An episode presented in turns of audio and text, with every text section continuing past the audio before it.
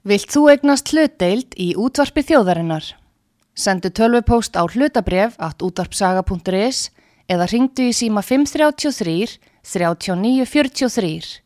Útvarpsaga stendur vörð um tjáningafrelsið.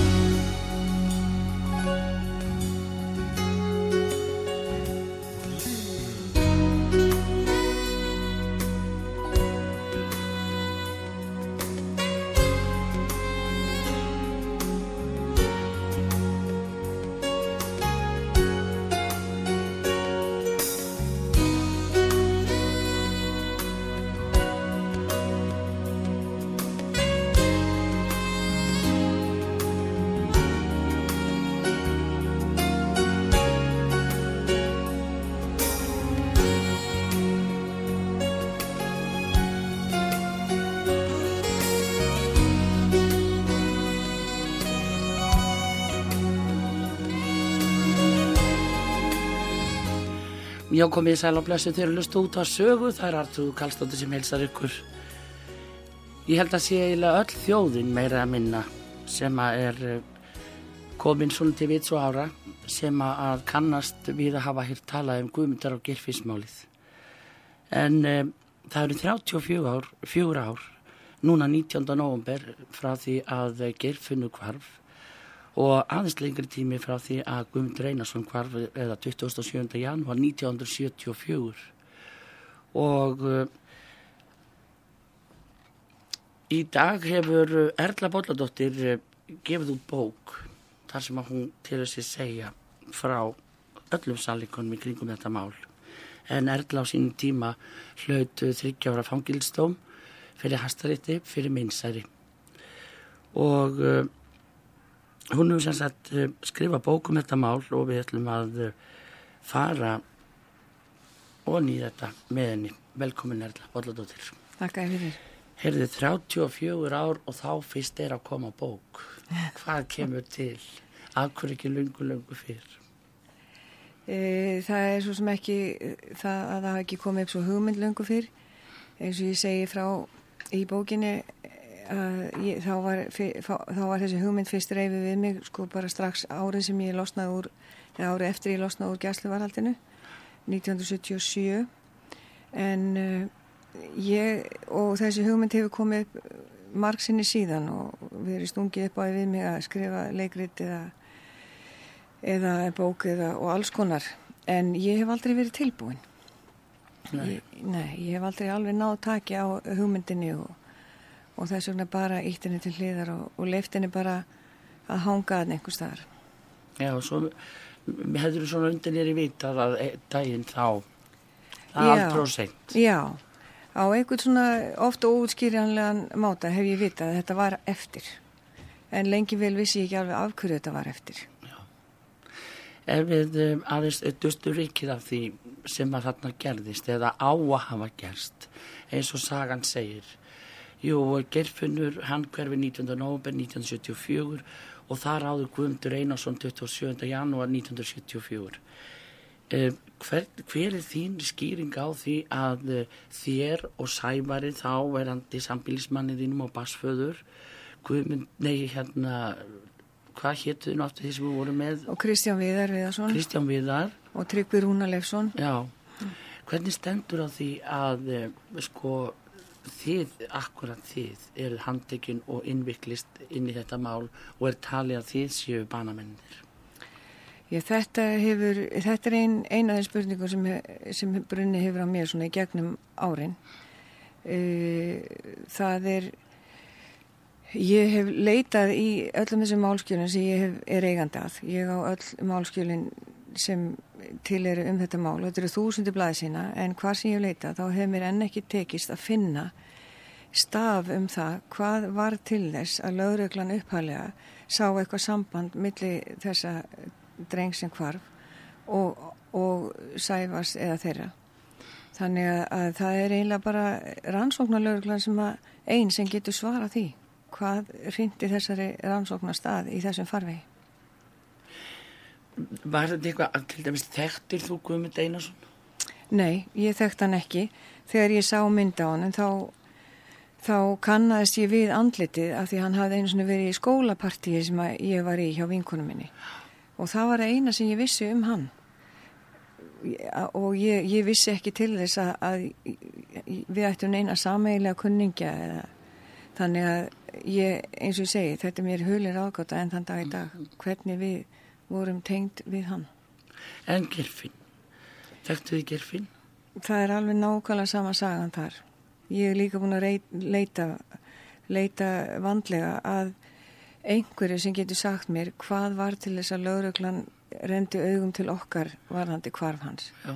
og ég get ekki ímynda mér hvað fekk þá til þess að koma og leita til okkar um upplýsingar um kvarf hans Ég skal staðfesta það er að eh, ég hef nefnilega líka lesið málskjölinn og ég skal staðfesta það að þetta er rétt í þinni frásögn að það kemur hverki fram í þessu máli sem getur tengt ykkur við. Þess að viljum sann spyrja þig hefur þú eitthvað skýringu? Því að auðvita, hvað voru þið gömul? Við vorum sko við vorum 20 þegar vorum handtekinn en við munum hafa verið 19 ára þegar að geirfinnu kvarf Já. Já og og, og um, tæplega það þegar Guðmundur kvarf Já, svo margt nefnilega sem veku förðu varandi þetta upphaf og, og, og allt það Hvern, í hvernig félagskap voru þið sæfar? Voru þið í slæmi félagskap, voru þið í eitjulifi, voru þið í áfengi? E, á þessum tíma? Já. E, á þessum tíma vorum við reyndar e, ekki í neinum, neinskonar óreglu. Sævar var mjög reglusamur á þessum tíma. Hann höndlaði með, með fíknefni en e, hann notaði ekki sjálfur hann hafi gert það áður og var alveg steinhættur því og var frákverfur, frákverfur slíkri neyslu á þessum tíma og ég gekk mikið inn í það með hann. Ég var, ég þar alveg að snerti ekkit á, á, svona, á neinu á þessu tímafél, ekki einu svona áfengi sko. Og ég var nú ekkit mjög reynd í þessu málu ári í kynstónum en eitthvað, ég hafði upplifað eituleif sko en, en var ekki svona sem má segja djúft sokkin í neyslu á þessum tíma sko. Nei, en uh, þeir hinnir uh, tryggvi og... Já, þeir voru svona meira, þeir voru svona strákar sem að viða komi við og, og drukku og, og, og notu Áttu þeir þessast brotaféril sem að hugsanlega getur tengt laurugluna við þetta? Ég hef fundið sko brotaféril þeirra en ekkert sem tengir á við þessa menn. Nei. Nei. Nú kemur það fram yfir í málskjölum að 19. Eh, november, kvöldi sem gerfunnu kvarf, mm. þá liggur það alveg ljóst fyrir eh, og það er vitna af því að þið eh, sævar vorunir á kjarvalstöðum á síningu með móður sævars mm. en samt áttu það að hafa verið í dráttabröðinni. Já. Þar talar reynd lauruglukona. það líkur fyrir fjárvestasönnun í þessu máli sem lengi var reynd að halda fram meðan á gæsluvaraldinu stóð. En það var ekki fyrir seint og en síði sem að þeirri fjárvestasönnun var sint og farið almenlega í hana og þá kom í ljós að hún var staðfestanleg. Við höfðum reyndar verið á kjárlastöðum þetta kvöld og það voru fjölda vitni til um það. En þá var það mál sko þá komst rannsóknin í uppnám í kringu það. Þánga til að fari var bara mjög tæknilega í, í það atriði með því að menn húruðu sér bara á bílum frá einhverju völdustöðum í Reykjavík þar sem við áttum að hafa lagt af stað frá. Og, og, og keirði bara á einhverjum lámastíma á viðkomandi staði sem fra, þá lágu fyrir í skýslunum að við hefðum komið við á og, og þá getur við komist í dráttabrautina og atbyrðin átt sér stað og síðan var bara eh, gefið í og upp í bíla og aftur í, til Reykjavíkur og, og þetta var bara mælt upp á nánast upp á sekundu til að fá þetta til þess að geta hugsanlega hafa gerst eftir að við sáumst á kjárvarstöðum og það var svona mæling sem er mjög aðtæklusvægt að skoða út af fyrir sig. Já, segðu mér eh, frá 19. nógumber og þar til því eru handtekinn, hvað lifir langu tími? Er uh, hvernig eru því handtekinn? Uh, við erum handtekinn sko 12. og 13. desember árið síðar. Já, árið síðar. Mm -hmm. Þannig að maður sér að margan hátt að það hefur komið svona mikil kerkja í rannsóknar aðila í raun og veru. Það gefur alveg auðvitað leið að það í heilt ár í raun og náðir ekki neitt. Mm -hmm. Og fyrst til að byrja með þá minnist ég þess, þetta var nú svona eh, rétt eftir komið sjómasins, að þá voru menn alltaf, jú sjómas við tölum á hverju kvöldi og það alltaf voru þeir á sporinu, mm. rétt eftir að gerfunum hvar og alltaf var, var, voru þeir að fara að upplýsa þetta næsta dag. Samt tekur á þennan tíma þess að þá er þið komin á spórin með ykkur þetta unga fólk. Mm. uh, hvernig var þið við Erla, það er alltaf eftir að spyrja það þið en segðu mér þegar þú varst handikinn lístu því Það var, náttúrulega skjálfilegur dagur sko en, en Sævar var handikinn fyrst þeir komið fyrst daginn áður eða sko semst þeir komið fyrst 12. desember Já. og það var auðvitað óvænt en þurfti samt ekki að koma óvart hann var einmitt í einhverjum fíknefna viðskiptum akkurat á þessum tíma og það var að koma til landsins fíknefna sending og hún hafi fundist og þess vegna var hann handtekinn og, og, og en ég var auðvitað mjög hrætt því ég var með 11 veikna gammalt barn og 11 veikna? Já. Og gæti eiginlega ekki gert mig grein fyrir miklu öðru en því að ég þurfti að passa barnið mitt. Og þetta var svona ógn sem stæðjaði að, að því. Og í þeim skilningi var þetta mjög mikil skjelving en þeir fóru með sævar og, og eftir að hafa komið með handtökuheimild og, og svo komuð þeir daginn eftir og það kom mér mjög ávart. Hvernig var Sævar, segð mér eitt, hvernig var Sævar að reyna að smíkla fíknar minn til hans á þessum tíma? Hann hafði, hann hafði farið til Evrópu og keift e, einhvert magnahassi og, og komið í fyrir í, innan í hurðum á bíl kunningja sín sem var að senda bílinn með ferju til landsins.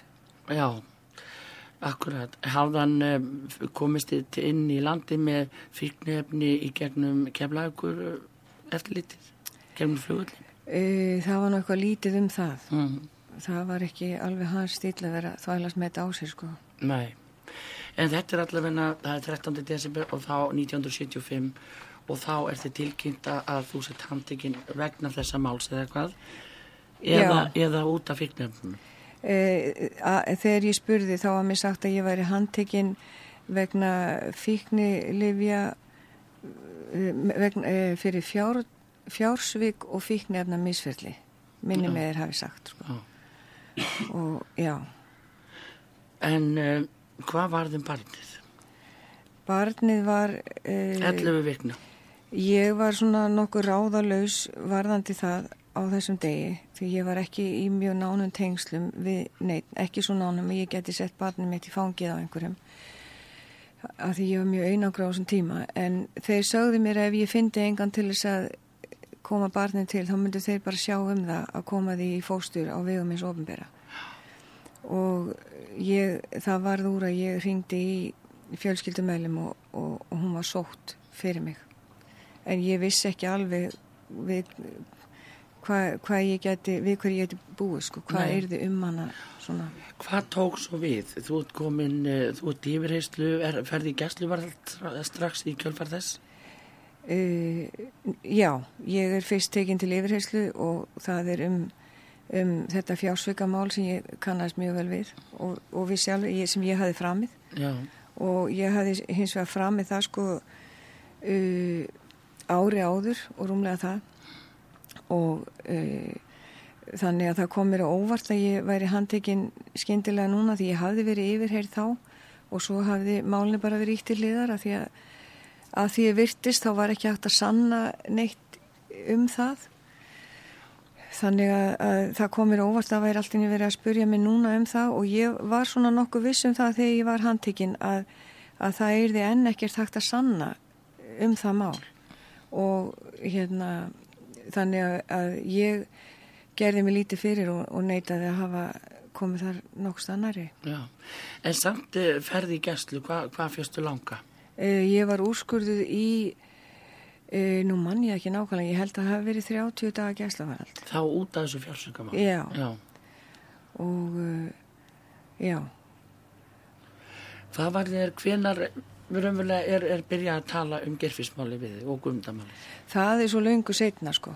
Ég er, ég er, semst, ég er, þegar það, það koma því í gæslavaraldinu, ég hugsaði ráðum mitt og, og þeir töluðu mikið við mér ansóknar menn um, hvað mér væri hotlast að gera og og þeir höfðu fundið, komist á snóður um eftir húsleitina að ég við Sævar höfðum ákveð að skilja skiptum eh, hérna skömmu síðar sem að þeir fundið það hérna skriflegt í persónlegu dóti okkar og, og sögðu mér að það væri auðvitað mjög skeinsalir ástöðunum minnahál og skiljanlega því að hann væri svona ræðilegur eins og hann væri og, og ég væri svona góð stúlka og, og ég hefði greinlega verið mikið undir áhrifum hans og svo framvegis.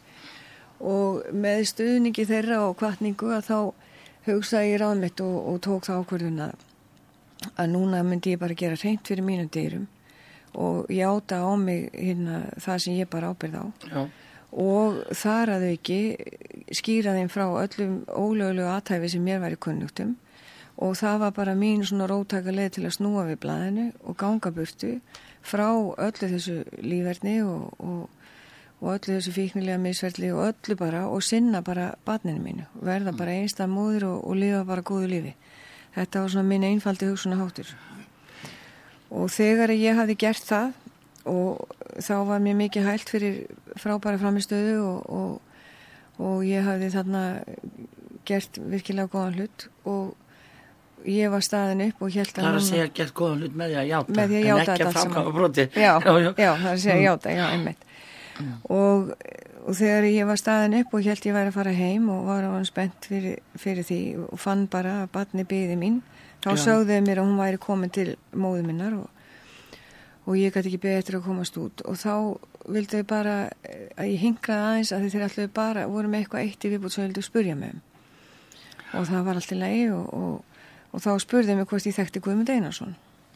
Og þegar það kom í ljós að þeir var að tala um einhver Guðmund Einarsson sem ég þekkt ekki þá síndu þeir mig mynda á hann og það var þá sem ég kannast við andliti á hann þetta var strákur sem hafði einu svona verið í einhverju skólaparti þegar ég var sko annarkur 15 eða 16 og eins og ég sagði þeim frá því og, og þegar þeir voru búin að spurja mig hvað eftir annað aftur og aftur og ekkert meira, það hefur ekkert hitt hann meira og, að þá spurði ég hvað er með hann? Og þeir spurðu hvort ég hef ekki lesið um hann í blöðunum og nei, ég hafði ekki gert það og þá sögðu mér og þá sínduður mér einhverja myndir af einhverjum gamli blöðum þar sem hann hafði horfið. Og þá var mér svolítið um og ég spurði það bara af hverju verið að spurja mig að því? Og þá skýrði þau fyrir mér að þeir hefðu raukst utan grunum að, að Sævar og Kristján Viðar að hefðu eitthvað eða altså fyrst sögðu mér bara Sævar hefðu eitthvað gæti hús að tengst hvarfi hans. Og ég var alveg var alveg forviða og, gæti ekkit hjálpaði um neitt með, með neitt svo leið sko, vissi ekkit neitt um það. En þeirri svo yfirheysla sem þarna fór fram hún stóð í mjög langan tíma. Ég held hún að farið alveg í sko einhverstaðarbilinu 10-12 tíma í það heila. Varstu byrjað samþykja um það að hún væri svona lengi Þú veist að maður ekki verið nefn í sex tíma? Nei, ég vissi ekkit um... Þú veist ekki beðin að samþykja það? Nei. Tíu tíma vissi? Ég vissi ekkit um ne mm. neitt hvað mætti og hvað mætti ekki og, og var ekkit spurð og var aldrei búin lögfræðingur. Ég vissi ekkit um neina svona hluti. En hvað gerur svo þegar er farið að tala um þetta við þig? Var þetta framlengt á því gæslu eða? Já, nei, sko, mér var bara sagt þá, eftir þessa yfirherslu, í lók hennar, þegar ég held ég fengi að fara heim þá mig, þá útskýrði Örn Höskulsson, rannsóknardómarinn, fyrir mér að nú væri þeir orðin nokkuð vissir um að ég hef orðið vittnað einhverjum hræðilegum uh, atbyrðum eftir alla þessa klukkutíma í, í samtali um þetta tímabil sem hann kvarfa á svo leiðis og að hérðan færi ég ekki fyrir en að mér hefði tekist að muna hvað hefði gerst þessa tilteknu nótt þegar Guðmund Reynarsson kvarf og þá var mér bara allri lokið. Og þessu, nú fær ég bara aftur niður klefan og hugsaði vel máli og reyndi að rifja vel upp hennan tíma. Og ég baði á að gera þetta ekki og, og grét og leti öllum millum látum. En, en þeir sögðu mér að, að þetta fær allt vel, þeir myndi hjálpa mér og ég skildi bara vera hugrakk og svo var bara að fara með mig í klefan og eftir einhverja daga í klefan til viðbútar og hérna mikinn, eh, heil mikinn tíma í, í frekar yfirheyslum að þá varð til þessi saga um það hvernig Guðmundur Einarsson dó og, og bara eh, nokkuð nákvæma lýsingar á atbyrðum sem, að, sem ég hafði aldrei orðið vittni að. En hvernig hérna, hvernig uh, verður svo saga til? Getur þú líst í hvernig rannsónamenninni löpuð á milli herbyggja? Já, hún, hún verður til sko, í, hún verður til í fyrsta lagi frá, af örvæntingu minni. Þegar ég sé fram á það að, að þeim er alvara og þeir ætla ekki að láta mig lausa fyrir ég er búin að segja þeim hvað gerðist. Og ég veit ekki hvað gerðist og ég reyn og reyni að rifja upp hvað var að gerast á þessum tíma og ég rifja upp draumfari mínar og, og, bara allt Já, það kemur þetta fram sko mm. það er alls konar að, að þú hafi talið þig jú, að séðan inn í laki, Já. einhverju kjallara Já. og þannig að veri bútæri sundur og Já. það er alls konar svona lýsingar Já, reyndar voru áttu lögreglum en þá lýsingu sko að hugsanlega hafa hann verið í, í, í mörgum pókum mm. hérna, en það var aldrei í, reyndar í minni frásögn en þeir sögðu mér að einhverju aðri hefur búið vittni um það en svo veit ég ekki hvaðan það kom Sögðu þeir það þegar þeir voru að yfirheyða þig að einhverju aðri segðu þetta í málunum? Já, þeir sögðu það til þess að reyna að leiða mig fyrir sjónu sko hvað þetta væri mikil fúlmenni sem væri um að ræða sko mm. en, en á endanum sko þá, þá sem sagt gekk skýslan eða var skýslan þannig til að ég spjallaði við þá og þeir spjalluði við mig og og ég reyndi eins og ég gata að koma til mótsvið og, og á endanum sko og svo leittu þeir mér bara áfram. Varst það fóknast þeim til þess að komast út? Já, það var auðvitað fyrst og síðast það sem var að gera sér mér var að það, ég átti lítið bat sem að var án mömmu sinnar. Mm. Erla Bóllatóttur, við þurfum að fá auðlýsingar hérna á útarpi sögum við höldum áfram að, að rifja upp gæsluvarðalsvistina út af vumundar og geimfismálunu Þeir eru að hlusta út á sögu, það er Artrúð Kallstóti hér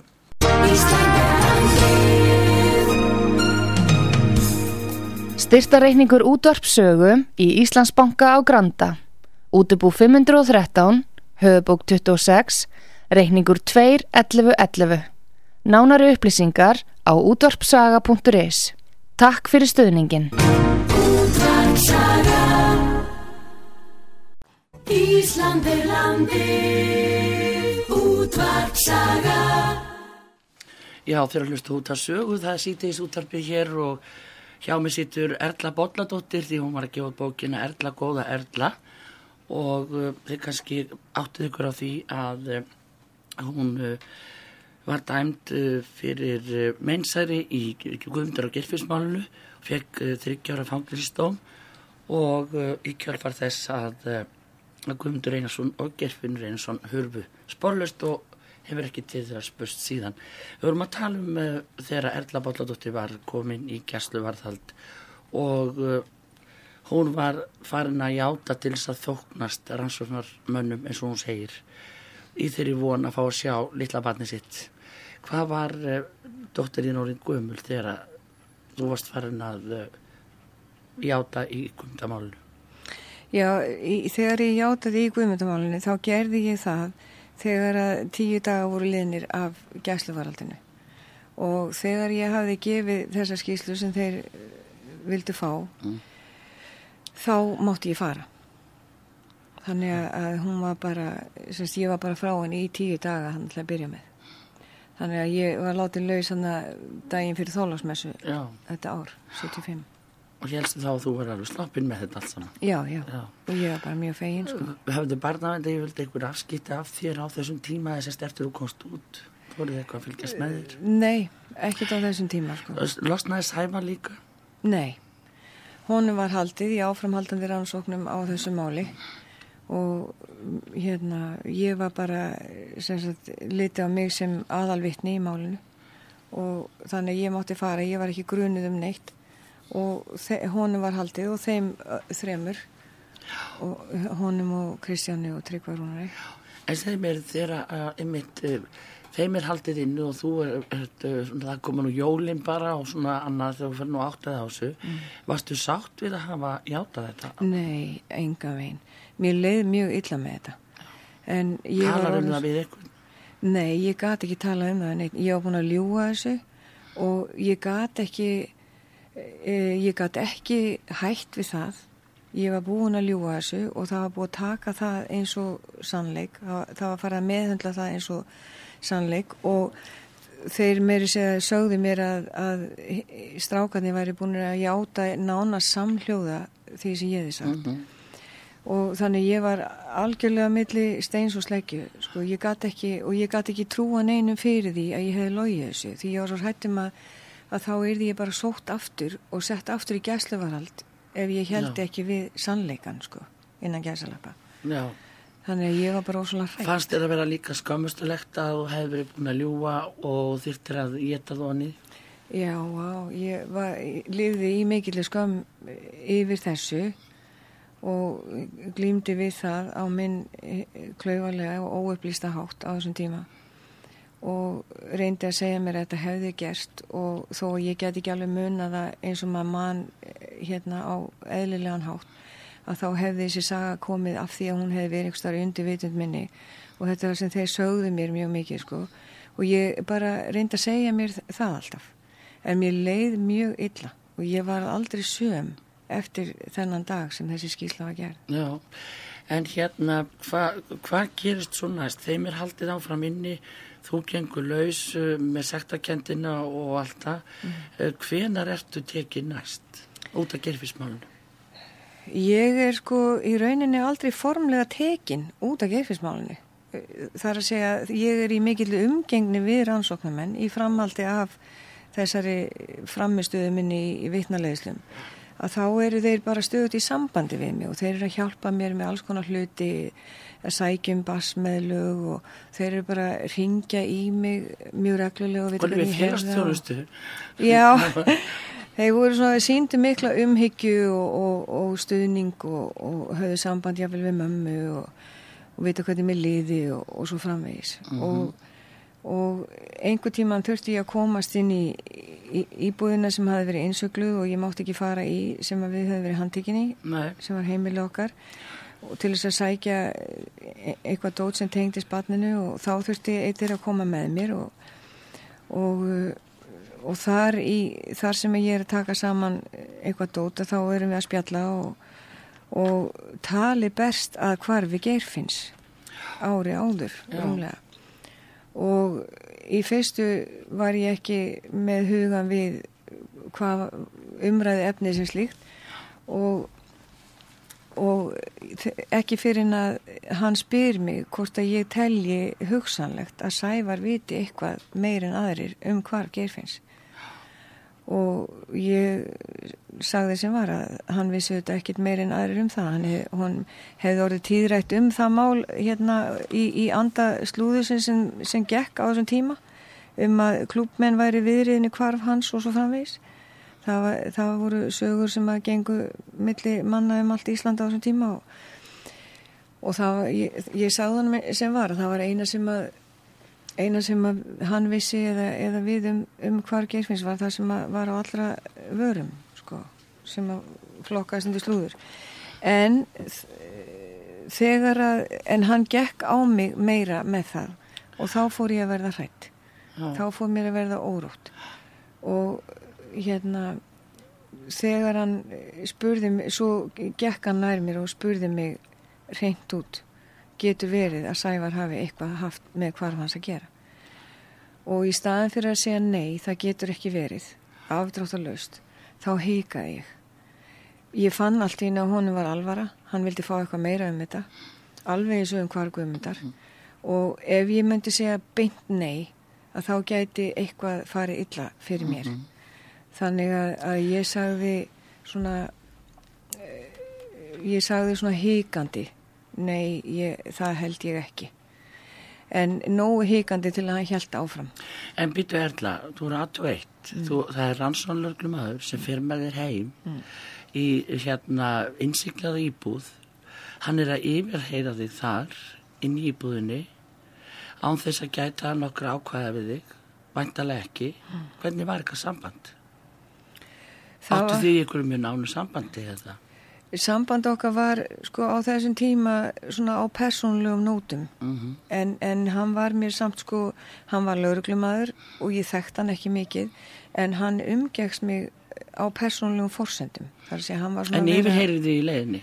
já og var á sama tíma svona að spurja mig út í þessum Já, hluti. heldur betur. já, Því hann auðvitað nýti sér þessar upplýsingar já, sem hann færi svona einhverjum vinskap við þig. já, Mm. já og hann gerði það á þann hátt að, að sko þegar hann keirði mig heim þennan dag að þá þegar hann stoppaði fyrir utan húsi þá, þá baði hann að lofa mér því að fara ekki að gera neitt meira úr þessu og alls ekki fara að tala eitthvað um þetta samtal Stóð hann við það? Nei, daginn eftir var hann mættu með rannsóknum dómaran og þeir sögðu að nú voru þeir komni til þess að kom, komast í bóts í hvaðið orðin Geifin Einars. Hvað gerðist þá? Og ég meina, varstu þá yfir heyrða aftur og, og, og fóst í gæslu aftur eða hvernig var þetta? Já, ég var yfirheyrð þá uh, þó nokkru sinnum og það var ekki alltaf farin í síðmúla þeir heimsóttum oft og, og yfirheyrði mig bara heima sko, spjölluðu við mig og svona ringdu í mig stundum og það var mikil svona samgangur á öllum mögulegum nótum og, og svo og en 22. janúar þarna 1976 þá, þá sóttu við mig til yfirheyslu og, og þá var máli komið á það alvarleg stig af þeirra hálfu að nú vildu þið bara hjálpa mér að muna það sem ég hafði orðið vitni að þegar að Geirfinn Einarsson hvar og ég gaf þeim skýslu um atbyrðarás sem átt að eiga sér staði dráttabröð keflæku sem ég hafði aldrei eins og komið og vissi ekki hún væri til Hjálpuður þér við það? algjörlega sko, þeir leittu mjög mikið þessa frásögn og, og hérna og þeir leitt hana sko ég meina það var mjög löngu setna, það var áratugum setna sem að þegar ég var að fara nánar ofan í einhver þætti þessa mál sem ég rakst á á uh, frásögn eða altså skýslur um, um mann sem að hafði komið til yfirheyslu út af einhverju sögur sem hann hafði sagt af sér varðandi hva, hvar Geirfinns Einarssonar. Og, sa, og hann hafði borið við, hann hefði bara verið fullur að röfla einhverju vittleysu og það reyndist að hafa verið rétt. Lögurlega gekk og skuggum það. Já. en sagan sem hann hafði sagt í einhverju ölæði var nánast samhljóða í flestum atriðum. Þeirri frásögn sem þeir fengu út úr mér þennan 22. janúar 1976 en frásögnin hans, þessa manns hún var sett í skýslu þremur mánuðum áður en ég satt hjá þeim í, í skýslugjöf um hvar Geirfinn Sinarsson já. En þú játaður þá strax eða að að halda þessu? Nei, þeir voru í vandræðum með e, rannsóknina ég, ég bar vittni semst, ég var aðal vittnið um, um hvað hefði gerst í dráttabröð keflækur Sævar reyndist hafa játað aðelda málinu daginn áður en ég gaf þessa fyrstu skýslu mína. Þannig að þeir hefði verið að vinna með hann á þessum sama tíma líka og, uh, það, og í fjóra mánuði gekk þetta svona fram og tilbaka skýslur gengur ekki upp og þá þurftu þeir að fá meil að breyta einhverjum atriðum í minni og, og svo þurftu þe- þeir strákarnir að laga eitthvað betur í sínum og svo framvegis En þú sem sagt hefur ekki verið í gæsluvarhald á meðan? ekkert á meðan þetta var Nei. Og ekkert meir eða? Jú, og svo liði þarna fjóri mánuður á, í, í þessu ástandi þegar að ég er allt innu kölluðin í yfirheyslu og það var þungt yfir mönnum og þá var greinilega ásetningu þeirra að fá mig til að játa á mig einhvern glæp til þess að geta loka mig inni líka og ráði betur við þessar rannsókn. og Það- kvöld þá játaði ég með aðstóða handleðslu þeirra að hafa sjálf orðið Geirfinn eina sinna bana. Og hvernig sagðist það að gert það? Ég sagði nú lengi vel og meiri sé að fór það í skýsluna, langlegin í skýslunni þá gerði ég það með einhverju áhaldi innan gæsalappa og þá var þetta sko, ég er semst að játa að hafa skotið hann til bana af stuttu færi Já, já. en þetta er Konan svo... sem var á kjærvalstöðum og sýningum um kvöldið. Já, og þetta er svo gróf, eh, sko, þetta er svo gróft skrefa stíga að fara að játa eitthvað sem er svo fráleitt sem mest getur verið og það var meiri sér erfitt fyrir þá líka. En trúðu þér þér? Nei, þeir áttu þessu hugmynd, sko. Þeir, þannig að spurningin var trúði ég þeim, Já. eiginlega frekar. En, en eh, þannig að sko þetta var svo gróf, gróft skref að það var ekki alveg hægt að seg, segja þetta berum orðum. Þetta var of eh, surrealist til þess að koma réttu orðunum á, á það, sko. Eins og ég skautan með rifli. Ég held á einhverju áhaldi, ég gæti ekki eins og ég sagt þetta, sko. Hvað tók við langt við gæsluvarald hjá þér þá? Þá var ég úrskurðið í, í uh, nú man ég ekki alveg hvað kom fyrst, ég held ég að fengi 60 dag gæsluvalds úrskurðið þarna fyrst. Og svo framlengingu? Já, og ég á endanum var ég, þetta var sko, uh, þetta var fjórða mæ og ég gekk út úr þessar einangrun 23. desember það ár. Þú s- lýsir þessari veruðinni í gæsluvarðaldun í bókinni og uh, ásamt náttúrulega mjög mörg öðru. Það sem að, að maður nýtur daldið um hérna, það er til dæmis það að uh, þér er skyndilega gefin p-pillan þegar þú ert einangraður uh, gæsluvarðaldsfangi. Já. Þá fara að gefa þér getnaðavarnapillu. Mm. og hér segir í mitt úr brefi sem að vera úr fangabók og eikur lifið erlubodla, það sérst læknirinn, eh, eftir helgi eh, sjá livjaskrá Erla á að fá einhverjar tvær pillu sem hún á að nota og síðan p-pilluna og eftir þeim. Læknirinn hringdi eftir þessu, uh, þessu á þriðudag þarf, á, þarf að minna hana á með því að hringja í hann sjá upp, á, ég getum alltaf að lesa þetta svo smátt skrifað en þetta er greinlega úr dagbókinu úr múlunum. Uh, já en allavegna það er staðfest hérna í þessu. Af hverju var verið að gefa þér p-pilluna? Já, það... þú ert í gæsluvarhaldi út í einangrun þú, þú farið ekki eins og í blöðin þú farið ekki valla sendibrif eða hvað. Nei. hverjir voru að heimsækja þig og uh, hverjir voru að reyna að eða var reynd að misnota þig? Já, ég, ég, ég fekk að skrifast á við móðu mína en engar heimsóknir fekk ég og, og vissi ekki hvað framfór í samfélaginu. En uh, ég sko eins og með svo margt annað eitt af því sem er einkennandi fyrir ástand mitt á þessum tíma er að ég geri, ég set hlutina lítið í samhengi. Ég geri mér li, litla grein fyrir því það var hérna yðurlega að auka við mig liv og breyta einhverju livjum og ég myndi ekki frá degi til dag sko um hvað neitt af því snýrist bara, ég átti að taka þau ég reyndi á tímabili að taka þau ekki og stuttaði mig klósetti að því ég fann hvað mér eh, eh, hvað ég misti mikið mátt við að taka þessi lif og ég alltaf þekkti róandi lif eitthvað já, já, áður og, og hérna og þegar þeir komist að því og, og að fleiri fangar gerðu þetta þá, þá fóru þeir að milja lifin í duft þannig ég hætti að geta gert það og, en þannig að þegar að, þessi p-pilla kemur hérna að þá er það bara eitthvað sem er bætt undan? við. Hvað hafði gerst á undan? Það sem hafði gerst áður en þetta var var að einn rannsóknumanna hafði fundið mig eina í klefanum og, og misnóta mig kynfyrslega og það er akkurat í, á þennan næsta dag eða þar um bil sem sem að þetta er skrifað í í beinu framaldi já, uh, síndur ykkur mótmæli? Getur líst í nána hvernig hann gerði þetta hvernig hann bar sig að? Var hann búin að vera í rannsóknin allan tíman Já, já, hann var, hann var mjög innviklaður í þessa rannsókn og uh, þetta var bara hérna svona heil verknaði sem að náði nú ekki að, að hérna sko standundir kannski öllum þeim væntingum sem að virtist hafa gert sér en, en uh, þetta var allavega svona það sem að flokkast undir nögun á íslensku.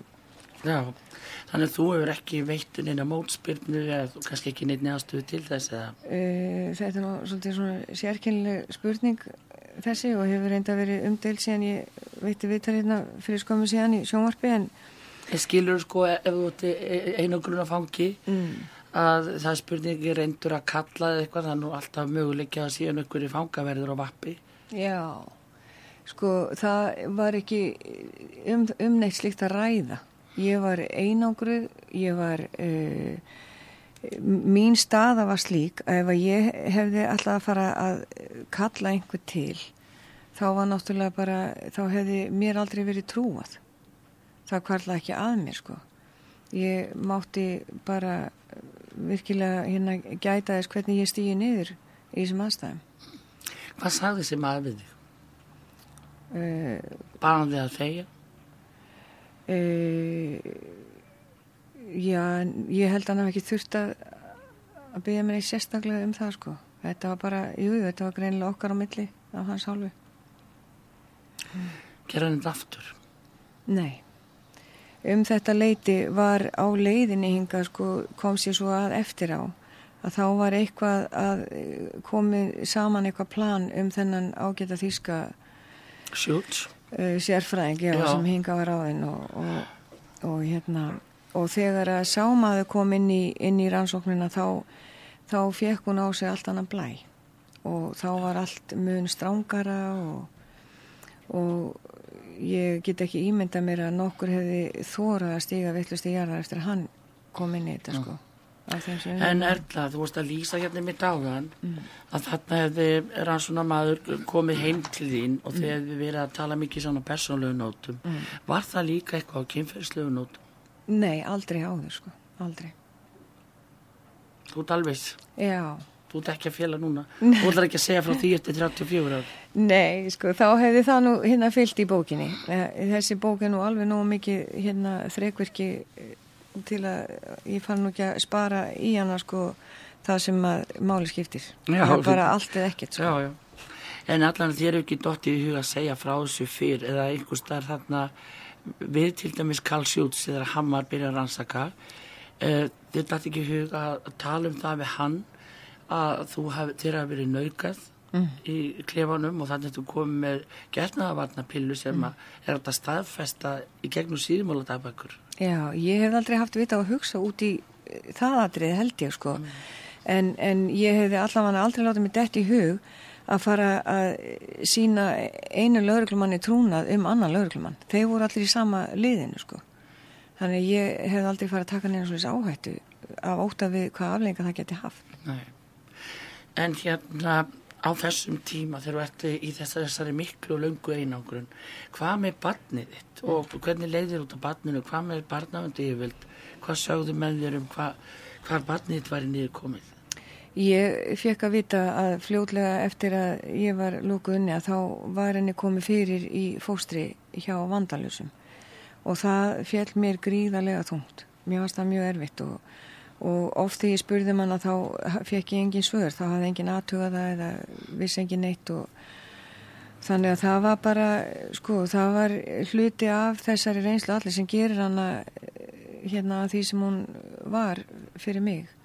Það það var bara mjög erfiður þáttur í þessu alls saman og mjög ráðandi þáttur í líðan minni sko.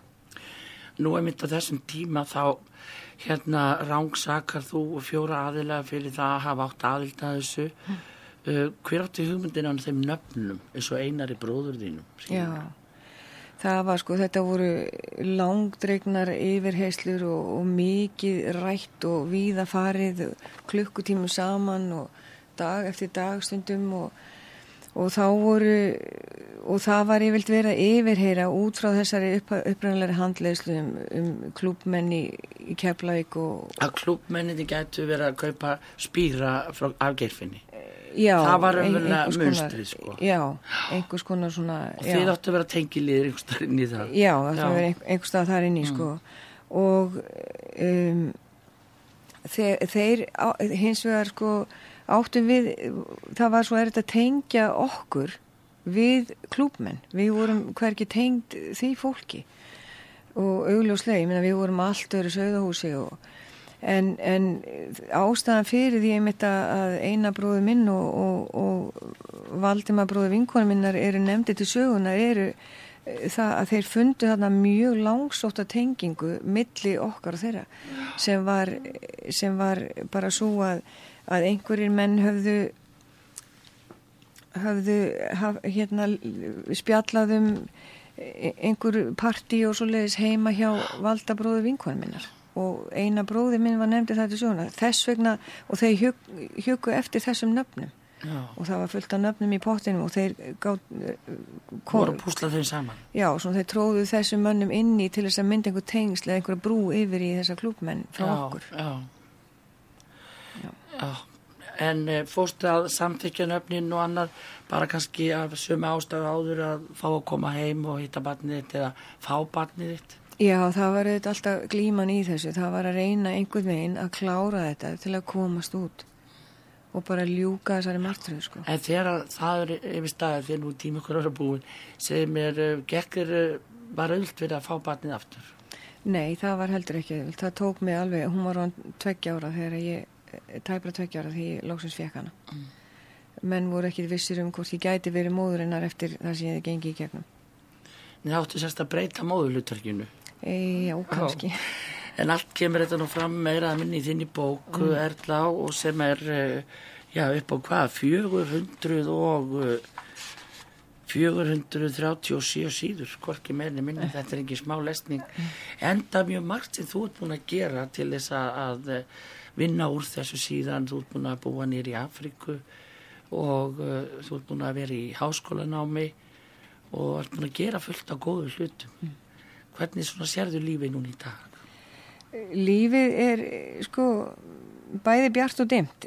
Hérna, ég get ekki kvartað og ég get ekki annað en fagna lífinu frá degi til dags og ég komist að því að það er ekkit, það er ekkit allt æðislegt eða allt slæmt. Það er bara hver dagur hefur, hefur sín sérkenni og Sumi segja hvernig dagur hefur sín djöfn að draga. Já, ég er sátt, ég er virkilega sátt og ekki síst vegna þess að mér tókst að skrifa þessa bók og með því að skrifa hana hef ég lokið ákveðinum kapla í lífi mínu. Mm. Það má segja hann hafi verið lokið svona í praktískum skilningi fyrir löngu síðan mm. En það er, það er ekki orðum aukið að fá þau endalók eða fá að setja punkt eins og, eins og ég næ að gera með að skrifa þessa bók. Það er bara vallagt að lýsa því sko. það er svona bara það opna svona fyrir nýtt upphaf og, og, og frelsi sem að ég þekkt ekki áður í þeirri minn sem ég þekkja núna.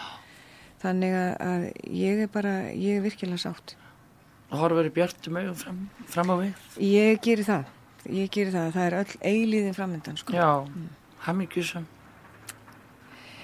já og nei, ég er hamingisum en ég er ekki svo sem er alltaf í solskins fíling yfir öllu.